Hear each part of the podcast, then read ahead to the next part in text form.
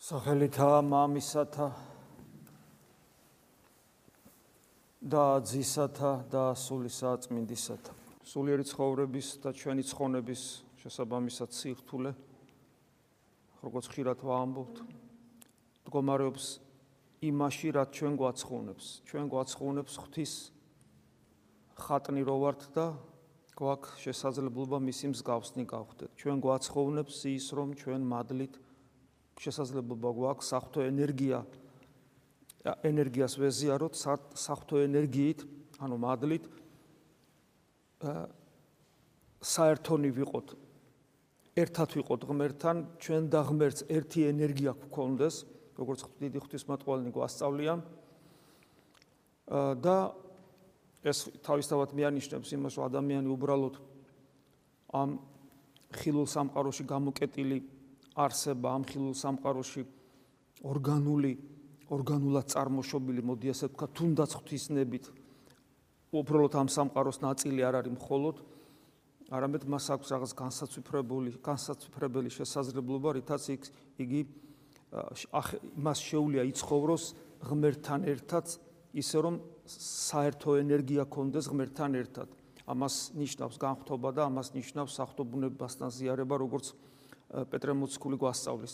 მაგრამ რა თქმა უნდა, ამას კიდევ ერთი თვისება ჭირდება უცნაური, რომელსაც თავისუფლება ქვია, რომელსაც ძალიან ბევრს, რომლის შესახება ძალიან ბევრს წერენ ფილოსოფოსნი, მაგრამ რომლის ბოლომდე გარკვევად გაანალიზება თუ რა არის თავისუფლება შეუძლებელია, იმიტომ რომ იგი გონებისათვის ადამიანური ამ ქვეყნიური ლოგიკისათვის მიუწვდომელი თვისება არის, რომელიც რატომ? იმიტომ რომ იგი საფრთხო თვისებაა.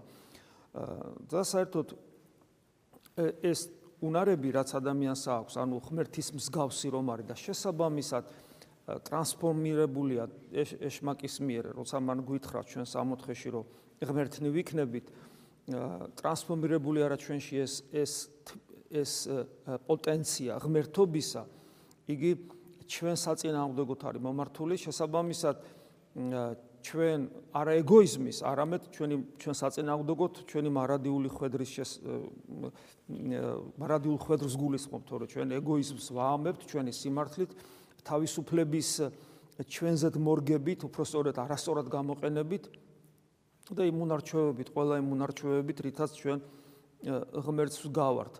აი როგორც გონებისათვის მიუწვდომელია, რანერად უნდა გახდეს ადამიანი სამყაროს შემოქმედის ნაირი. და მასთან ერთად მარადისობაში როგორ უნდა იყოს და ეს საერთოდ რას რას ნიშნავს? როგორც პავლე მოციქული ამბობს ეს ადამიანისათვის წარმოუდგენელია იმიტომ რომ ჩვენს თვალს ჩვენს ყურს და ჩვენს გულს ამის გამოცდილება არ აქვს მაგრამ ეს უკავშირდება რაღაც დიდებულებას რომელსაც პავლე გამოხატავს სიტყვით სიხარული თუმცა კიდევ ვიმეორებ იგივე პავლე ვერ ამბობს ეს რას ნიშნავს. მიუხედავად იმისა მან წინა გემოს ხილვა ყველაზე მეტად იხილა ადამიანთა შორის. ნუ ერთ-ერთი ადამიანი იყო ის ვინც ძლიერად იხილა ეს რას ნიშნავს და იგი მე ესე ამბობს, რომ ეს არის უთქმელნი სიტყვანი, ანუ არ არ გამოითქმება. განა იმიტომ რომ პავლე გვიმალავს, არამედ იმას, რაც განიცადა და რაც ნახა, იმას ვერ ამბობს, იმიტომ რომ ადამიანურ ენას ამის გამოთქმა არ ძალოს და არ შეუძლია. ხო და აი ეს ყველაფერი, რომელსაც თითოეული ჩვენგანი თავის თავში ატარებს, რომელიც რომლის გარეშეც ადამიანი ადამიანი არ არის, რომელიც არის სწორედ იმის ნიშანი, რომ ჩვენ შეიძლება ვცხონდეთ, ანუ გადავრჩეთ და გადარჩენა ჩვენი მადლით ღმერთობა, ეს ყველაფერი ამავე დროს არის ის პრობლემა, რომელიც ჩვენ ხელს გვიშლის სწორ სულიერ ცხოვრებაში, იმიტომ როგორც გითხარით, სიმართლე ჩვენი გვაქვს, თავისუფლებასაც ჩვენ გემოზე ვიყენებთ და პიროვნული რეალიზების მაგივრად ჩვენ ეგოიზმს და ჩვენს ინდივიდუალიზმს ვანვითარებთ. სწორედ ამიტომ ხასგასმით ამბობს უფალი, რომ იმ მრავალთვისებათა შორის, რომელიც ღმერთს აქვს და რატომ აქვს ღმერთს ეს თვისებები, ჩვენ არ ვიცით. ჩვენ ვიცით, რატომ არის ღმერთი ყოვლის შემძლე და ყოვლის მყრობელი, რომ სხვანაირად ვერც სამყარო იარსებებდა, ყოფიერება არ იარსებებდა, ასეთი ლამაზი მშვენიერებელი, მშვენიერი მოწესრიგებული და ვერც მისი შენახვა გადარჩენა გადარჩებოდა.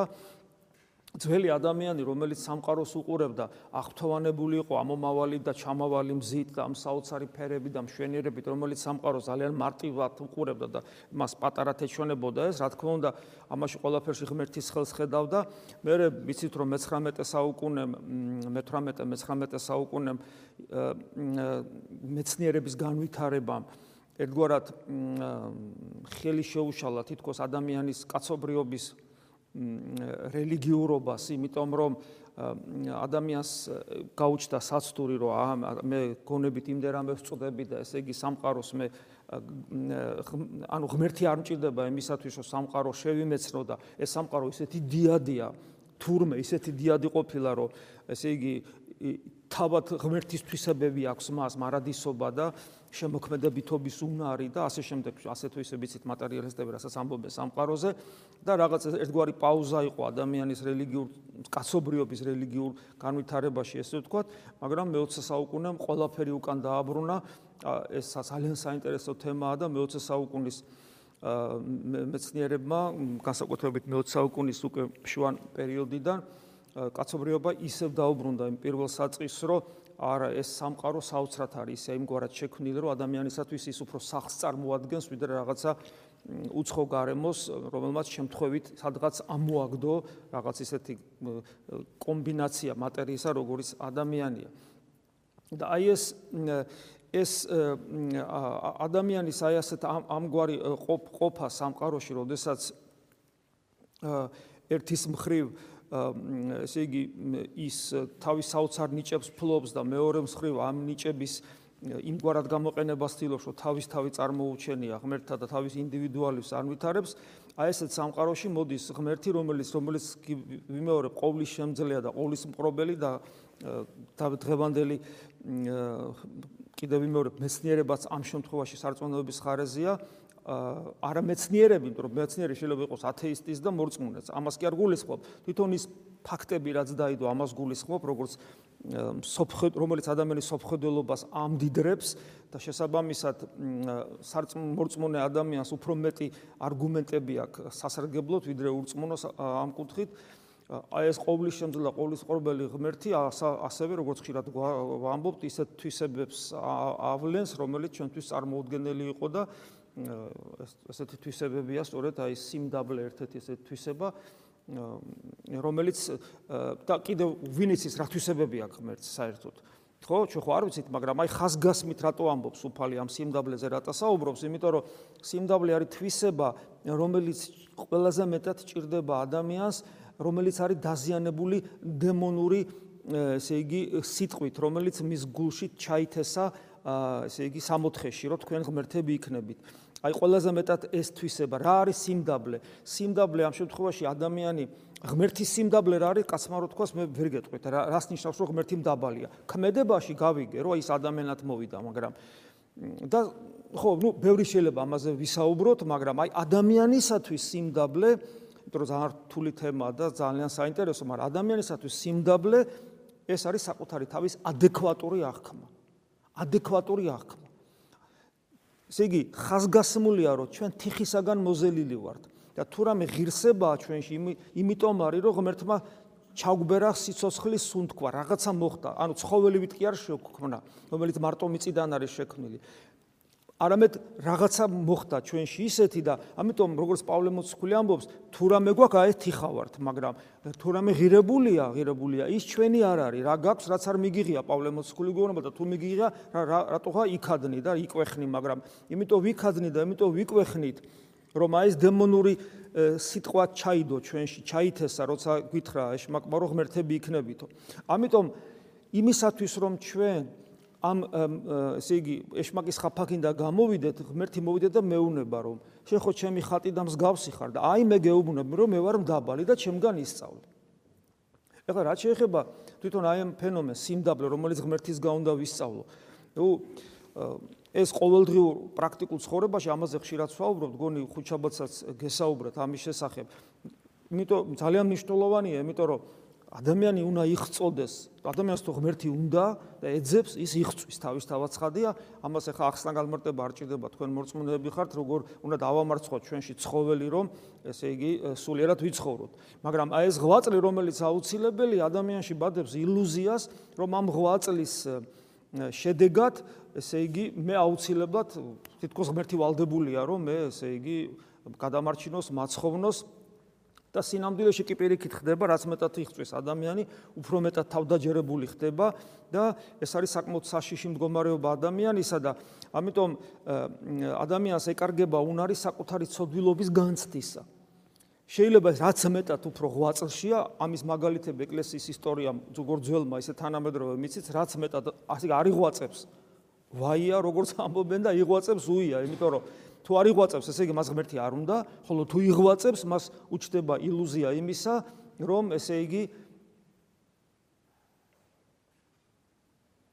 მას უჩდება ილუზია იმისა, რომ ესე იგი იგი ღმერთი თითქოს მასთან ვალდებულია, თავდაჯერებულები, თავდაჯერებული ხდება. ანუ რას მე ნამამები გვასწავლიან, რომ სიმდაბლე ღვაწლის ناقოფი უნდა იყოს სიმდაბლე. ხოლო სიმდაბლე რომ მოვიპოვოთ, ამისათვის საფრთხო მადლია საჭირო, ხოლო საფრთხო მადლი რომ მოვიდ სიმდაბლით, სიმდაბლე რა არის? დავინახოთ ჩემი თავი. საფრთხო მადლთან შედარებით, აი ღმერთის მადლი რომ მოდის, ანუ ღმერთის ღმერთთან შედარებით ხედავ, მე ვინა ვარ? ღმერთის გარეშე მე თავი კარგი მგონია, იმიტომ რომ ამდენამეს ვაკეთებ. და ეგ არის სწორედ ის საიდუმლოება და ის აი ეს ვიწრო კარები სულიერ ცხოვრებაში, რომელიც ჩვენი გასავლელი, ამას ჩვენს გარდა, ჩვენს მაგივრად ვერავინ ვერ გაივლის. აი რა ხედავთ, უფალი როგორ ამბობს, რომ სასופეულში შემავალი კარები არის ვიწრო. ამ კარებს ბევრი ეძებს. ხო ვინ ეძებს? მურწმუნე ადამიანი ხო არ ეძებს ამ კარებს? ამ კარებს ეძებს მურწმუნეები, ხო ქრისტიანებზე ლაპარაკობს. ანუ ქრისტიანები ეძებენ ამ კარებს, სასופეულში შემავალ კარებს. რაღაც აღარ აკეთებენ ადამიანები, ხო სულიერ ცხოვრებაში. მაგრამ ნახეთ როგორ ამბობს, ბევრი ეძებს და ცოტა პოულობს.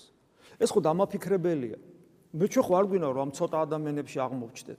ხო და აი აი აქ არის ადამიანის მორწმუნე ადამიანის მოდი ესე ვთქვათ სიბრძნეცა და გენიალურობაც რომ თან იღვაწოს და ღვაწს შედეგად კონდეს არა საკუთარ თავში არა თავდაჯერებულობა რომ ნუ მაგარი ხარ რა მაგარ რაღაცებს აკეთებ და ზნეობრივად ცხოვრობ და კეთილშობილი ხარ და რაღაცა.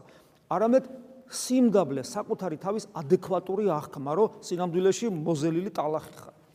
აი როგორ უნდა მოხდეს ეს? აი ამას ჭირდება ყველაზე მეტი სიბძნე და სიფაქიზე. რა თქმა უნდა, ეკლესია 2000 წლის განმავლობაში გვასწავლის უამრავი ადამიანებით, წმინდანებით და პავლე მოციქულის სიტყვები შეგვიძლია ყველა წმინდას მივაკუთვნოთ, რომ ჩემ მე მომბაძეთ, როგორც მე ქრისტეს ბაძავ, როგორც პავლე ამბობს და ყველა წმინდანი ჩვენთვის სამაგალითოა. და რა თქმა უნდა, ყველა წმინდა ღვთისმშობელი, რომელიც ადამიანია, ადამიანი, რომელმაც სწორედ სიმდაბლით მოიპოვა ის დიდებულება, რაცაც ღვთის დედობა ქვია. ღვთის დედობა ძალიან რთული რამე იყო. აი წარმოიდგინეთ, როგორი მორჩილი იყო ღვთისა, რომ ესე იგი მას გამოცხადებაში ეძლევა ცოდნა, რომ იგი ესე იგი დაფეხმძიმდება და ესე იგი იგი გააჩენს იმას, ვინც ღვთის ძეთ იწოდება. ეს მისი პირადი გამოცხადება, აი ლოცვაში ადამიანს რაღაცა რომ მიეცემა, რა თქმა უნდა, ღვთისმშობელს ეს გამოცხადება როგორი ფორმით მიეცა, რა ძალით მიეცა, მასში რა ხდებოდა ჩვენ ამას ახლა ხო ვერ მივხვდებით, მაგრამ ფაქტია, რომ ეს იყო მისი სუბიექტური ინდივიდუალური გამოცხადება, რომელიც კაცი შვილმა არ იცოდა თელ სამყაროში. მარტო მანიცის, მარტო მის შიგნით ხდება. და ყოლაწმინდა ღვთისმშობელი ამ ღვაწლზე თან ხდება და რა ღვაწლია ეს? ეს ღვაწლით რა ღვაწლია? წარმოიდგინეთ რა ადამიანი, რომელიც დანიშნულია და გათხოვილი არ არის და უცებ ფეხზე მეთ არის. და წარმოიდგინეთ იმდროინდელი სოციუმი და წარმოიდგინეთ იმდროინდელი კანონები. გახსოვთ ხო сахарებაში როგორ არის, რომ იოსები გაგიჟდა, ესე იგი, წესით რა ეკუთვნოდა, გაეყვანა და უნდა ჩაექოლათ, მაგრამ ახლა თან ისეთი კაცია რა, კეთილშობილი ადამიანია და ეწოდება ეს პატარა გოგო, როგორ მოაკვლეინოს, მაგრამ ამასთან როგორ იცხოვრებს?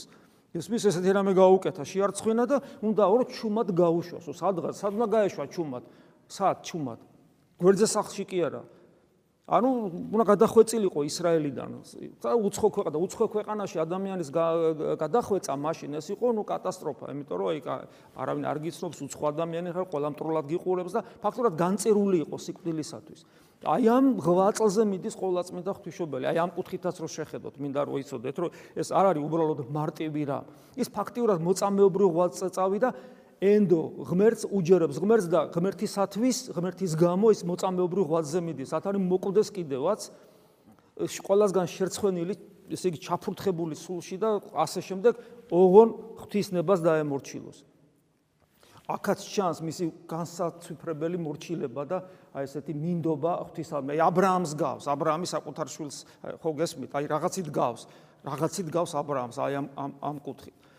ხო და აი ჩვენ უნდა ვისწავლოთ ეს ფაქიზი დამოკიდებულება ღმერთთან და ღმერთის სადმე ერთგულებისათვის ბევრ ბევრად შევავიწროთ უნდა საკუთარი ეგო, საკუთარი ეგოიზმი. და ეს ყოველდღიურობაში გვაქვს ადამიანებთან ურთიერთობაში. ჩვენ ხა ადამიანებთან ურთიერთობაში როგორი განწყობა გვაქვს ხოლმე? ნუ ესეთები ვართ რა, რომ მე რო ადამიანი მელაპარაკება, აი პირშო გააღებს და მელაპარაკება. რას ველოდები მისგან? რომ რაც მე მინდა ის მითხრას, ან როგორც მე ვთვლი, ისე უნდა მოიქცეს.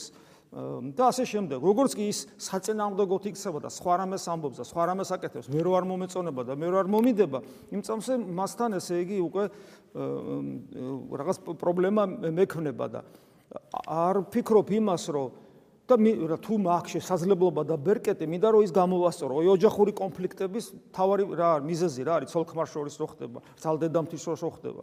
ესე იგი ერთი რო პირსაღებს ისეთ რამეს ამბობს, ამას რო არ მოსწონს ეს რო პირსაღებს ისეთ რამეს ამბობს, რომ ამას რო არ მოსწონს და მე მათ სულთ რო მათ სულში ჩაძროენ და ერთმანეთი გადააკეთონ და ეს იწვევს რა თქმა უნდა კონფლიქტს. და ეკლესიის გამოცდილება კიდე ესეთია, რომ ადამიანი შიგნით ვერ ჩაუყვევ, ხელს ვერ ჩაუყვევ სულში და ვერ ვერ გადააკეთებ. შეუძლებელია ამის გაკ ამას ღმერთიც კი არ აკეთებს. ღმერთი ფაქიზად ეხება, გაიგებს, გაიგებს, არ გაიგებს და თავსანებებს.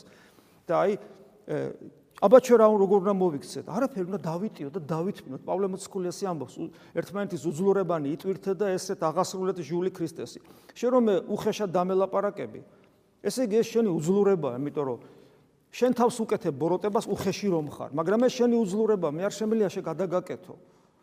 და ამიტომ მე ვითმენ ამას, ქრისტეს სიყვარულისათვის ვითმენ. აი როგორც ღვთისმშობელი ითმენს რაღაცებს, ხო, რა წავიდა ამ თავგანწირვაზე. მოთმენის garaშე, ქრისტეს სიყვარულისათვის მოთმენის garaშე ჩვენ სიმდაბლეს ვერ სწავლობთ, იმიტომ რომ ადამიანებთან ურთიერთობაში ისწავლება ეს სიმდაბლე. ღმერთისადმი მორჩილებით, სიმდაბლე ისწავლება მორჩილებით, მორჩილებია უპირველეს ყოვლისა ქრისტესადმი, რომელიც მასწავლის ადამიანის მორჩილებასაც. რა თქმა უნდა, ამას ბევრი გაგრძელება აქვს. ეხლა ადამიანის გარო რაღაცას ითმენ, ეხლა ამას მე როგორი გაგრძელებები შეიძლება მოყვეს, მაგრამ ერთი რამე ფაქტია, რომ ჩვენს უგვეშლება ერთმანეთთან ურთიერთობაში და ჩვენ გვეშლება ღმერთთან ურთიერთობაში. ღმერთთან ურთიერთობაში ვიღწვით და რაღაცა გონია თავი, ადამიანთან ურთიერთობაში ველოდებით, რომ ისე მოიქცეს და ისე თქვას, როგორც მე რო ვთვლი, რომ საჭიროა. შეიძლება მართლაც არასწორად იქცევა ეს ადამიანი, მაგრამ აი ამ არასწორ მის არასწორ საქციელთან ქრისტიანული დამოკიდებულება უნდა მქონდეს და არა ჩემი სამართლიანი დამოკიდებულება. აი ესეთ რთულ საკითხული საკითხების გადაჭრა გვიწევს ჩვენ ყოველდღიურად და ყოველწამიერად. და როგორც წესი, რაც მეტად ჩვენ მიუახლოვდებით ჩვენი უნარჩვევებით, რომელიც სიმდაბლესა, სიმშვიდესა და გულმოწყალებაში ვლინდება, რაც უფრო მეტად მიუახლოვდებით ქრისტეს, ვეცდებით და ვერეუფალი გვეხმარება, მე აღმოვაჩენთ, რომ ჩვენს გარშემო უფრო და მეტად მეტად და მეტად მშვიდდება სიტუაცია, მშვიდდება გარემო. და როგორც აი ხუჩაბასაც გითხარის, როგორც ეს თეთრი ფერი, იმიტოა თეთრი, რომ სინათლის თელ სპექტრს აირეკლავს, აი ესე თეთრდება ადამიანი გულისმიერად და საფრთხო მადლს აირეკლმი იღებს და აირეკლავს, ანუ ასხივებს, ასხივებს, გასცემს და თვითონ როგორც ეს ფერი ხდება წყარო, თეთრი ფერი, ხო, თეთრი სინათლისა, თეთრ სინათლეს აირეკლავს, აი ესე ხდება ადამიანის გული წყარო ნათლისა და სწორედ ამაზე ამბობს უფალი, იყავით ნათელი ამას სოფლისა. და ამ ნათელს მერე დაინახავენ სხვა ადამიანები და ისინიც დაიწყებენ ღვთისძიებას და ისინიც გადარჩებიან.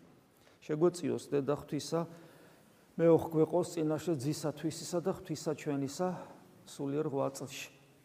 ამინ. მადლი უფლისა ჩვენისა იესო ქრისტესი და სიყვარული ღვთისა და მამისა და ზიარება სულისა წმინდისა იყოს თქვენ ყოველთა თანა. ამინ.